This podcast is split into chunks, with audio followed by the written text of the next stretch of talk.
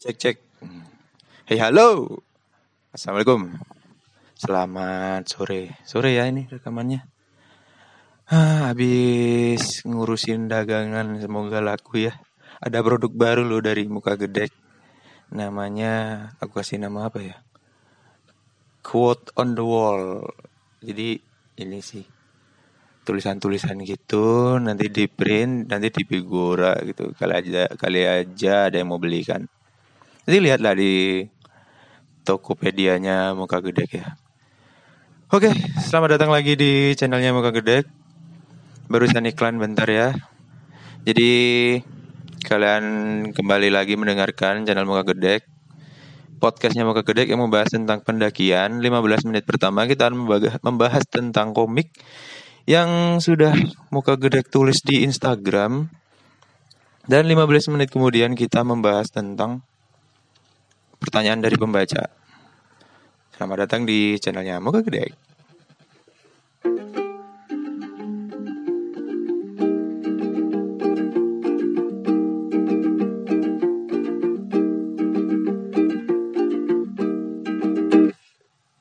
Fales kan? Oke, sekarang kita udah nyampe ke episode 17. Di episode 17 ini episode 17 18 ya. Di podcast yang keempat. Di podcast yang keempat ini saya kasih judul keputusasaan. Jadi di episode 17 dulu ya, di episode 17 ini waktu itu kita udah keluar nih dari oro-oro ombo yang saya ceritain ada ininya kan ada apa bayangan-bayangan saya lah di situ tentang monster-monster itu yang nggak jelas itu kan yang nggak bisa kalian nalar dengan normal dengan pikiran orang normal gitu kan. Jadi di episode 17 ini kita baru nyampe ke tempat namanya itu Cemoro Kandang. Jadi dari Ororombo kelihatan sih dari dari tanjakan cinta aja kelihatan si Cemoro Kandang ini. Jadi emang kalau dalam bahasa Indonesia itu ya artinya cemoro kandang itu kandangnya cemara. Jadi di sana banyak banget pohon cemara lagi dikandangin. nggak saking banyaknya mungkin ya dikasih nama cemoro kandang. Kenapa nggak cemoro sewu atau cemoro apa ya yang memperlihatkan kalau dia banyak gitu. Cemoro cemoro-cemoroan gitu kan banyak gitu. Cemoro kandang, eh cemoronya dikandangin. Ya, yang kandangin siapa coba? Jadi episode 17 ini pas pas waktu kita baru nyampe ke Cemoro Kandang itu ada pohon yang besar banget, gede banget. Itu pohonnya roboh.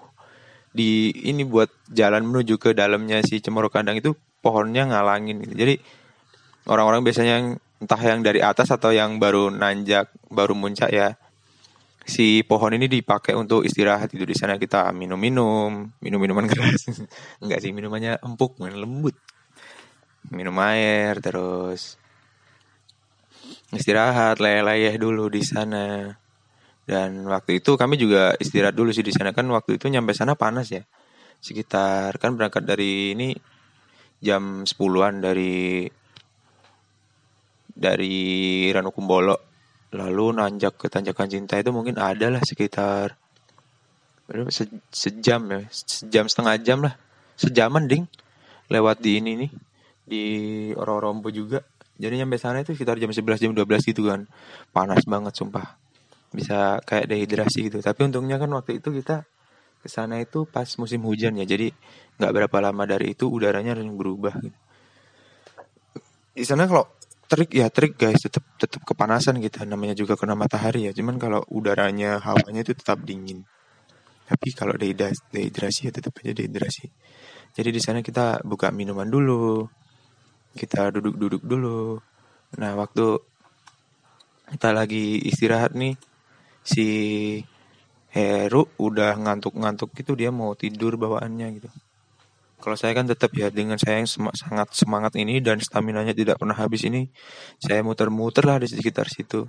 Habis minum itu terus ada ini pendaki juga cewek cowok, bukan dari ini sih, bukan golongan kami, golongan kami, bukan dari grup kita gitu. Kayaknya mereka ada grup sendiri gitu. Tapi kebetulan mereka pas ketemu sama kita itu ketemu sama kami itu mereka cuma berdua gitu kan terus bayangin aja kata Bendot juga mungkin enak ya daki terus tinggal tinggal berdua doang gitu cewek cowok gitu mungkin apa ya romantis gitu itu bayangan saya waktu itu sih sebelum saya kembali menjajaki untuk menjajaki kembali menekuni untuk mendaki gunung? Pikiran saya berubah tentang gimana bawa cewek ke gunung itu. Ya nantilah ya. Jadi waktu mereka berdua lewat itu mereka ngemut sesuatu. Kalian tahu ngemut nggak sih? Ngemut itu apa ya? Bahasa Indonesia nya ngemut itu. Me, memasukkan sesuatu di antara bibir lalu nggak ditelan. Tahulah kalian lah ya ngemut itu meskipun kalian yang bukan dari bukan dari orang Jawa seharusnya ngerti lah. Kayak permen tuh permen diemut tuh. Nah mereka tuh ngemut sasetan gitu ya waktu itu kita nggak tahu itu apa gitu. Kita benar-benar nggak tahu tahu hal-hal kayak gitu itu. Jadi mereka kenapa itu sakit gigi apa gimana? gitu kan terus kita ngobrol kan mereka ngemut apaan ya kira-kira ya? Gitu. Nggak tahu kayaknya sih ini apa ya obat masuk angin itu loh. Tapi bayangan saya bayangan saya kan itu pedes banget ya. Terus kita ada sih bawa berapa ya? Bawa tiga mungkin si obat masuk angin itu. Itu pun dikasih sama orang-orang gak bawa sendiri. Kita bayangin ngemut begituan sepanjang jalan kepedesan lah mulut itu. Cangkemnya kepedesan lah. Setelah kita ngobrol-ngobrol-ngobrol-ngobrol kayaknya itu madu deh. Terus bilang gitu kan. Terus kata si Bendot juga iya kayaknya madu ya. Bentuknya juga kayak madu. Terus si Bendot juga katanya kayaknya aku juga pernah lihat begituan di warung gitu. Ada yang jual harganya berapa ya waktu itu ya? 700 apa 800 pokoknya nggak nyampe 1000 lah satu bungkus itu. Waktu itu ya. Terus iya kayaknya madu deng Terus si Pepes ini dia tuh kepingin kan begitu naik gunung kayak pendaki-pendaki yang lain itu ngemut sesuatu gitu. Tapi kita nggak punya apa-apa untuk dimut gitu. Ada antangin siapa mau ngemut antangin pedes banget waktu itu kan kita nggak tahu kalau ternyata antangin juga bisa diemutin kayak begitu. Jadi waktu itu si Pepes ada ide. Idenya itu ya kopi saset itu. Saset. Kopi sasetnya di disobek kecil gitu terus diisi sama air diisi. Pokoknya nggak sampai full lah ya mungkin setengah. Terus dikocok kocok kocok kocok kocok kocok pokoknya sampai menyatu lah. Kayak ini aja ya dikocok kayak mie mie instan yang mentah itu dikocok kocok terus itu baru deh timut udah gitu dong akhirnya sepanjang jalan si Pepas ngemutin begitu kan.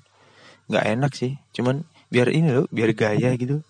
Apa ya ngikutin orang itu enak deh mengimi, mengimitasi orang nggak punya role role model sih ya. Jadi apa ada orang lewat apa gitu diikutin diikutin. Itu yang episode 17 bahkan di episode 17 ini si Heru masih ngantuk kan terus ayo Ruh jalan Ruh gitu. Yuk berangkat berangkat gitu. Dia aja masih pengen tidur gitu rasanya. Dia itu orangnya ngantuk kan soalnya.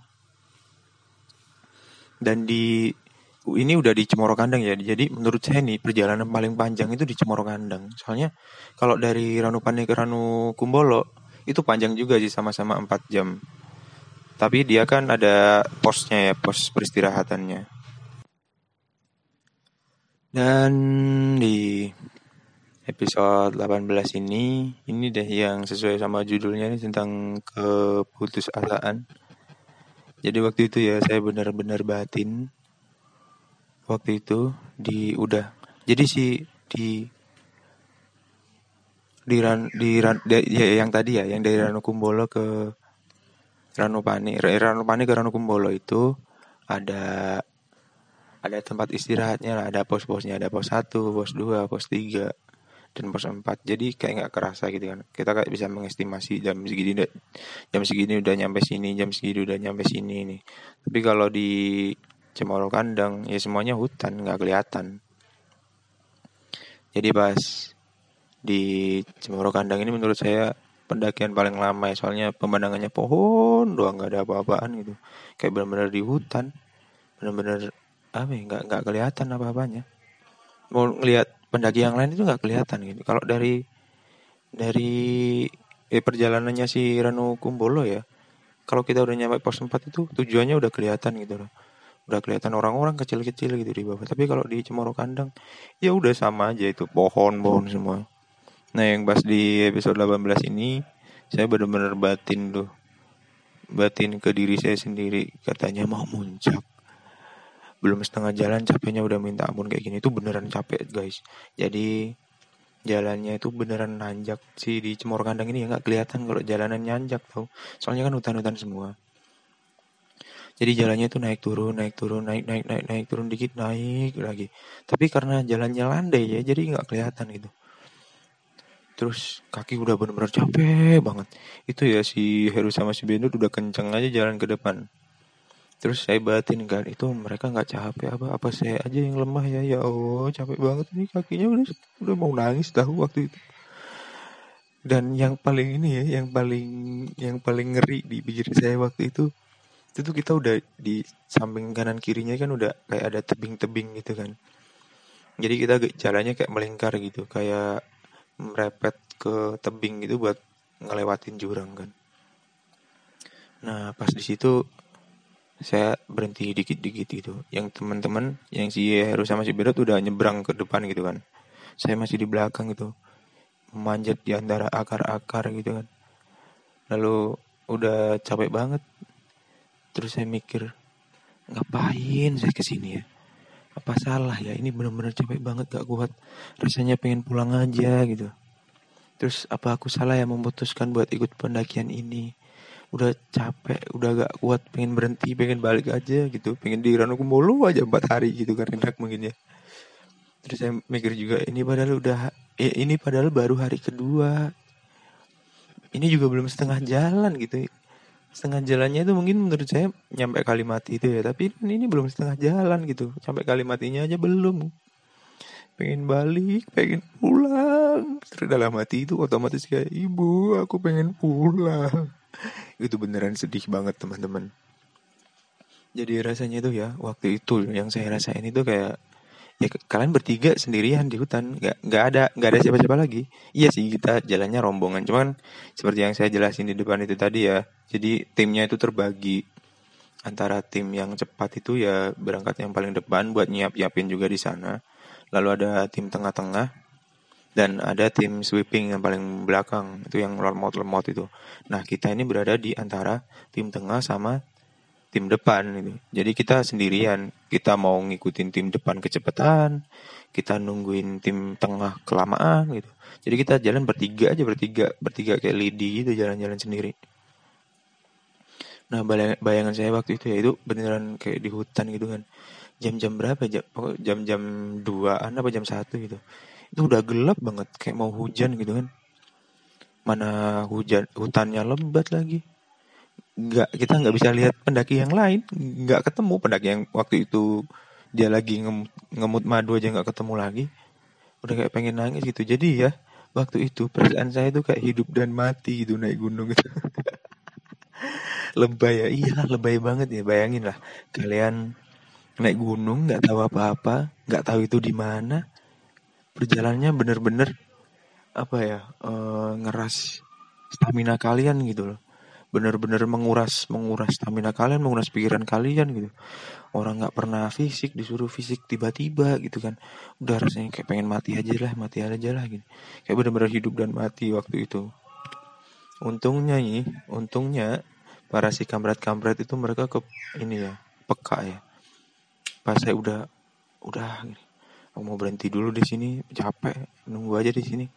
Mereka udah duduk-duduk di atas tuh sambil ngejek-ngejek itu apa face-nya itu wajahnya udah mengejek-ngejek gitu. Woi, ngelamun baik. Jalanmu melambat udah capek. Istirahat aja, santai. Yang penting jangan pingsan ya di jalan. Hahaha, mereka ketawa-ketawa mereka mereka di jalan.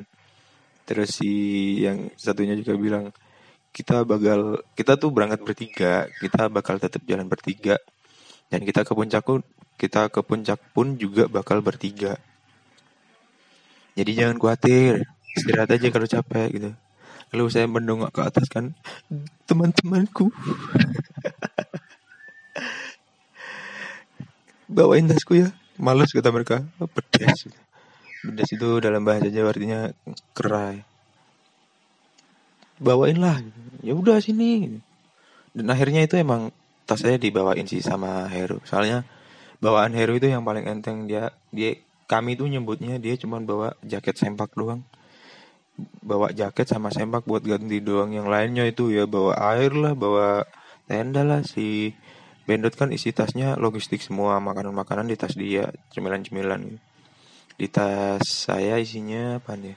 Tenda sama sleeping sleeping bag. Oh ya mereka mereka berdua itu nggak punya sleeping bag tau. Mereka bawanya apa coba? Selimut selimut.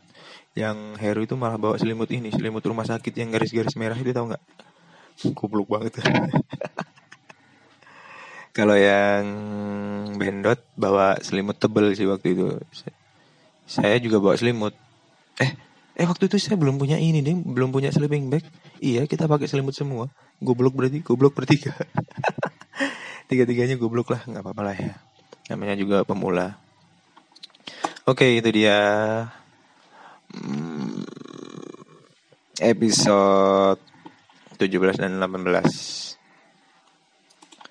langsung masuk ke sesi tanya jawab yang kali ini kayaknya rada nyeleneh deh tanya jawabnya. Ada yang nggak bisa disebutin. Dia nanya kapan muka gede mau ngelamar aku. Nantilah kalau udah nggak ada. Selamat ultah ya, ya makasih. Dari Munsif Ariela, dia jualan tas disuruh ngiklanin di sini. Halo Lele. Terus ada lagi yang nanya. Dari at kopi underscore plengeh kopi plengeh ini teman saya dari Jambi. Stat, statusnya minis sekarang masih jomblo apa udah punya calon istri? Jomblo tapi udah punya calon istri ayo lo. Udah punya calon istri. Kalau calon istrinya udah bersuami, ya nyari lagi calonnya. Nggak susah kan hidupnya. Ada lagi yang nanya at Ukaza Dendi Kicon di mana ini John oh foto yang nanya tadi itu di Ranupani fotonya. Ada lagi yang nanya at mataharimu 18 pendapat Mimin tentang ahlak anak zaman now masih adakah yang bilang sewu kalau dapat de, eh, le, kalau lewat depan orang tua? Mungkin maksudnya itu bilang nun sewu gitu ya. Pendapat ahlak anak zaman now ya. Anak anak zaman now itu siapa saya? Saya. Saya kan zaman now. Kalau saya masih inilah masih sopan lah ke orang tua. Bilang nun sewu gitu kan. Untuk yang bukan dari Jawa jadi maksudnya nun sewu itu kalau misalnya kalian lewat depannya orang tua, orang yang lebih tua, nanti kalian itu ngucapin nun sewu gitu atau kayak permisi gitu loh dalam bahasa Indonesia-nya. Tapi kalau dalam bahasa Jawa itu pakainya nun sewu karena buat ya tingkat sopan santunnya lah. Kalau anak anak mungkin yang dimaksud itu anak-anak zaman sekarang gitu yang bukan yang bukan zaman saya gitu ya. Kalau anak-anak yang zaman sekarang kan anak kecil yang zaman sekarang itu kayaknya ini sih ya emang akhlaknya itu apa nggak sopan gitu sama orang tua. Mungkin kalau sama orang tua masih enggak ya tapi kalau sama orang yang lebih tua dari dia kayak misalnya ada tetangga dia yang lebih tua gitu. Sama-sama anak-anak cuma dia lebih tua gitu. Mereka udah nggak ada nggak ada sopan santunnya gitu kayak udah biasa aja kayak ke teman sendiri. Ya bagus sih nggak ada status apa ya tingkat sosialnya gitu tapi kalau dalam adat Jawa itu kurang bagus ya tapi kalau kalau di luar negeri sih malah nggak ada loh ini sopan santun ke orang yang lebih tua itu. Jadi kalau di luar negeri itu orang lebih dihormati karena apa yang dia lakukan gitu. Kayak misalnya saya nih, saya punya adik nih, adik saya bisa ngomong manggil nama ke saya karena ya mereka nggak ngebiasain buat membeda-bedakan status orang gitu. Jadi mereka lebih membeda-bedakan apa yang dilakukan orang itu kalau di luar negeri sih ada loh yang apa Pak D-nya, Pak Le-nya itu dipanggil nama sama si anaknya itu, anak kecil itu tadi. Ya mungkin kalau si si bule-bule itu ditaruh di Indonesia pusing palanya, pecah mungkin palanya nanti. Jadi menurut saya kalau tentang akhlak itu susah ya jawabnya. Saya bukan guru agama soalnya, nggak tahu akhlak manusia itu seharusnya seperti apa. Begitu ya, Mbak Ed Mataharimu 18. Jadi menurut saya anak-anak zaman now itu ya adalah kekurang sopanan mereka tapi dari kekurang sopanan itu kayaknya mereka lebih lebih bisa kreatif ya lebih bisa terbuka sama orang gitu atau malah terlalu terbuka atau ding. Ada lagi? Bang nggak usah sebutin nama saya. Cara menangani orang hipotermia itu gimana? Nah gini dong berbobot pertanyaannya. Jadi orang hipotermia itu ya kalau kita di atas gunung itu kita tubuh kita itu selalu menyesuaikan suhu. Jadi kenapa kita selalu cepat lapar itu karena metabolisme tubuh itu mengolah energi kita buat memanaskan suhu tubuh kita. Cepat kentut juga. Ya itu karena pencernaan kita jadi lebih cepat kan. Karena diolah itu tadi sumber energi kita. Jadi ketika ada orang hipotermia itu mungkin gara-gara dia yang pertama dia nggak makan. Jadi asupan energi dia kurang buat menghangat, menghangatkan tubuh dia sendiri. Tahu tuh kenapa sih orang-orang kalau di atas gunung malah ini malas makan terutama yang cewek-cewek itu mereka jadi malas aja kayak nggak nafsu makan. Saya juga gitu sih waktu di Ranu Kumbolo ya yang sarapan itu sebelum saya pergi ke Ororombo dan Cemoro Kandang itu. Waktu sarapan di Ranu Kumbolo itu nggak nggak nafsu makan tau. Terus tempenya itu kayak rada basi. Jadi berada lengket-lengket gimana gitu. Cuman ya karena saya butuh makan ya. Jadi saya juga butuh tenaga gitu buat jalan hari itu. Jadi saya makan aja terus ada sayur-sayuran juga waktu itu. Padahal saya nggak terlalu suka sayur ya. makan aja semuanya. Orang butuh ini orang lapar. Lalu gara-gara orang itu nggak makan makanya metabolisme tubuh itu nggak punya asupan buat menghangatkan tubuh mereka. Nggak nggak ada energinya buat menghangatkan tubuh mereka. Akhirnya mereka hipotermia. Hipotermia ini juga macam-macam sih teman-teman. Mulai dari dia tiba-tiba bisa ini ya berhalusinasi tiba-tiba dia demam tiba-tiba dia apa mual-mual itu beda-beda tiap orang tapi kebanyakan yang yang sampai parah itu yang dia sampai berhalusinasi itu tadi Nah, cara menanganinya gimana? Tentu saja dengan dihangatkan. Kalau misalnya dia di dalam tenda ya tiba-tiba dia hipotermia gitu. Ya diangetin. Kalian bikinin api gitu kan. Apa enggak bikin api unggun gitu. Kalau ini yang enggak saya sarankan ya. Jadi waktu itu saya lagi daki Gunung Ungaran di Semarang. Ada teman saya yang gejala hipotermia gitu jadi dia dipanggilin gitu nggak nengok gitu dia kayak setengah sadar gitu loh orangnya kan dia tidur ya bangun-bangun dia udah menggigil gitu diajak ngobrol dia nggak nggak nyaut gitu kan lalu dengan terpaksa itu panci itu saya ini saya kasih spiritus jadi saya lebih suka bawa spiritus ya daripada gas kalau naik gunung nggak tahu lebih nyeni aja kalau pakai spiritus menurut saya meskipun lebih ribet. Jadi si spiritus itu saya taruh di panci atau wajan. Eh nesting ding, ditaruh di nesting. Saya tuang aja di situ, lalu saya sulut. Jadi apinya gede kan. Nah, saya suruh dia deket ke api itu. Dia malah naruh tangannya di atasnya coba. Kan goblok ya. Lalu saya, eh gitu kan.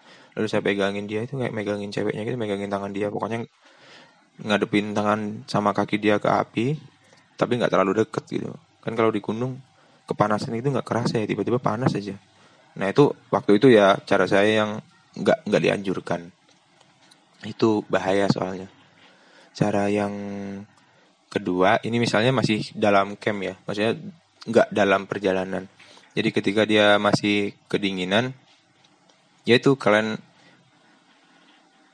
kasih penghangat lah bikinin air hangat gitu terus dia suruh pegang gelasnya yang hangat itu air panas nggak apa-apa ding terus suruh dia minum gitu. biar badan dia hangat gitu. ini penanganannya menurut saya berdasarkan apa pengalaman saya selama ini mendaki gunung. Lalu yang urgent ada yang di jalanan. Misalnya kalian sedang melakukan perjalanannya, tiba-tiba ada yang hipo hipotermia di di jalan waktu kalian trekking itu lagi waktu melakukan perjalanan itu ada yang hipo entah dari grup kalian atau dari grup orang lain ya. Jadi tiap orang itu kan punya sistem metabolisme tubuh yang berbeda-beda ya. Ada orang yang kuat nahan dingin, ada orang yang gampang kedinginan gitu kan.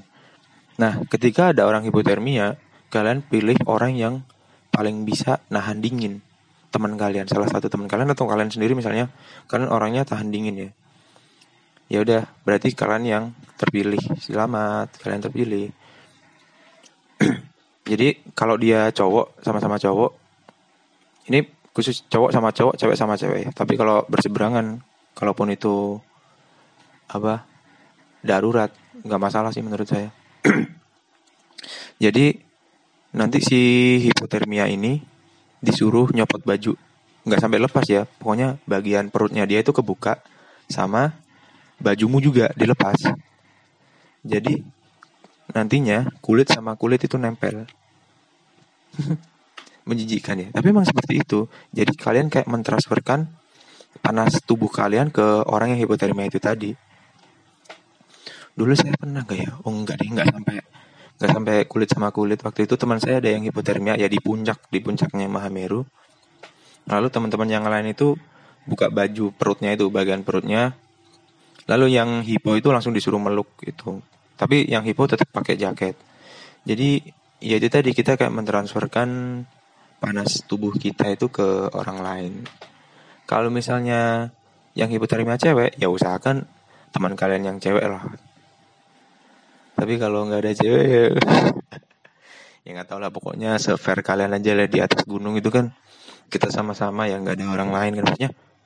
Bukan nggak ada orang lain itu bisa mesum gitu nggak ya. Maksudnya nggak ada orang lain itu kita melakukan hal penanganan sama orang yang sakit itu yang tercepat itu loh. Nggak tahu cewek apa cowok. Pokoknya sebisa kalian pokoknya orang itu bisa selamat aja. Begitu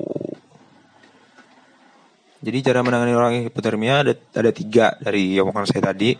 Dari penanganan menurut saya sendiri yang pertama bikinin api nggak dianjurkan. Tapi yang kedua bikinin air hangat kalau dia air panas atau air hangat. Kalau dia berada di dalam tenda hipotermianya.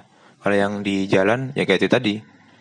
Kalian mentransfer panas tubuh kalian dengan kulit dan kulit itu perut ketemu perut tanpa ada bajunya gitu itu saya belajar dari mana? Dari, dari luar negeri kalau yang itu itu. Iya dari survival survival gitu loh. Jadi ada waktu itu nonton juga di TV ada orang kecemplung nih di Alaska kalau nggak salah. Orangnya kecemplung ke sungai. Sungainya kan minus minus gitu ya ininya suhunya. Terus dia langsung dipeluk sama temannya. Bajunya dibuka gitu sama-sama dibuka. Terus mereka dipeluk terus mereka dibungkus sama baju mereka yang dilepas itu sama teman-teman yang lain. Jadi mereka ber, berpelukan di dalam baju gitu nah kalian juga bisa kayak begitu. Begitu. Ada lagi yang terakhir ini. Bang jangan disebut namanya. Kalian kenapa nggak suka sih disebut namanya? Kan biar kalian famous gitu ya. Apa sih kewajiban kita buat menolong orang? Kenapa kalau saya menolong orang, gue selalu nggak ikhlas? Ini pasti gara-gara pinjam meminjamkan uang kan. Biasa anak kuliahan memang seperti itu. Tapi gini loh, kalau kalian menolong teman kalian ya, apalagi waktu zaman zaman kuliah ya kuliah itu kan kalian hidup sendiri orang tua jauh kalian hidup sama teman-teman kalian gitu ketika teman kalian ada yang membutuhkan ada yang minta tolong dan kalian waktu itu bisa menolong ya udah tolong aja gitu masalah kalian ikhlas nggak ikhlas itu belakangan aja lah yang penting orang orang itu ketolong dulu gitu misalnya si dia itu miskin gitu kan siapa tahu dia miskin kan. Dia lagi lagi nggak ada duit buat makan gitu. Terus dia pinjam uangnya boleh nggak? Bulan depan saya ganti gitu. Misalnya dia bilang kayak gitu. Kalau kalian ada uang ya udah pinjemin aja nggak apa-apa. Apa kalau nggak makanan hari itu kalian yang bayarin gitu. Kayak gitu sih menurut saya. Jadi kalau ada orang pinjem uang gitu ada uang nggak ya selama uang itu ada pinjemin aja orang dia lagi butuh kan. Tapi kalian kalian lihat-lihat juga sih ini case yang terakhir ya. Kalian lihat-lihat juga kalau ternyata dipinjemin makin nyolot jadi pinjemin pinjam lagi dipinjemin pinjam lagi. Ya udah biarin aja nggak usah dipinjemin. Tapi kalau kalian udah udah pernah menolong orang lalu terus kalian malah kepikiran kok nggak ikhlas ya saya nolong itu ya udah itu kan kalian sendiri yang makan gitu kan. Masalah ikhlas nggak ikhlasnya itu kalau orangnya tertolong kan ya udah yang penting dia ketolong dulu gitu. Itu sih yang sering sering dilakukan orang sekarang itu. Orang itu mau nolong bingung sama ikhlas nggak ikhlas gitu. Kayak ntar saya nolong ini tapi saya nggak ikhlas percuma dong saya nggak dapat pahala. Nah berarti kan kalian nolong karena pengen dapat pahala bukan karena pengen nolong dia. Oke, misalnya nih dia banyak bocor kan banyak bocor. Dia waktu itu ada kuliah terus dia minta jemput Sedangkan kalau kamu jemput, kamu bakal telat juga gitu. Kalian bakal pilih mana? Gue lebih baik nih, kamu jemput dia, terus ya udah bareng aja ke kampus gitu. Terus apesnya lagi dia gini, bro nggak ada duit nih buat nembel nembel bannya, boleh pinjam uangmu nggak? Boleh, ambil saja uangnya gitu. itu kayak kita nggak nggak peduli gitu kan sama uang itu. Uang besok bisa dapat lagi gitu ya udah ditolong dulu terus pas di kelas ternyata kalian terlambat kan? Abis terlambat terus kalian dihukum gitu kan suruh nyanyi atau apa gitu. terus kalian dalam hati begini andai saja waktu itu saya nggak nolong si dia mungkin saya nggak bakal terlambat dan nggak bakal dipermaluin seperti ini. Nggak boleh kayak begitu. Jadi kalau kalian mau nolong orang ya udah biarin aja. Yang penting orang itu tertolong kalian bisa kuliah. Masalah ikhlas nggak ikhlasnya itu belakangan lah. Itu ada sendiri. Yang ngitung tentang ikhlas nggak ikhlas itu ada sendiri lah masalah penyesalan kalian itu salah kalian. Itu kan cuma kalian sendiri yang ngerasain nyesel nih nyesel nih nolong dia gitu. Ya udah orang udah terjadi juga gitu kan. Yang penting orangnya tertolong loh dan kalian rugi karena nolong dia ya udah itu juga salah kamu karena nolong dia dan itu nggak apa-apa gitu. Kalau menurut saya sih seperti itu ya. Jadi misalnya ada teman gitu minta tolong ya udah tolong aja gitu. Masalah kalian kenapa-napa nanti yang penting orang ini tertolong dulu gitu itu belakangan lah yang yang ikhlas nggak ikhlas dapat pahala itu ada sendiri yang nolong. Udah. Sudah habis yang nanya. Nggak ada yang berbobot ya pertanyaannya. Apalagi ini yang namanya kopi pelengeh ini kampret banget orangnya. Dia tuh mau ngirim ngirim kopi ke saya nggak jadi jadi ya. Katanya uangnya mau buat nikah. Nikah ya sama uang kopi. Hm, dasar. Udahlah. Sampai di sini dulu. Podcast muka gede Selamat sore dan Assalamualaikum. Salam sejahtera buat semuanya. Bye-bye.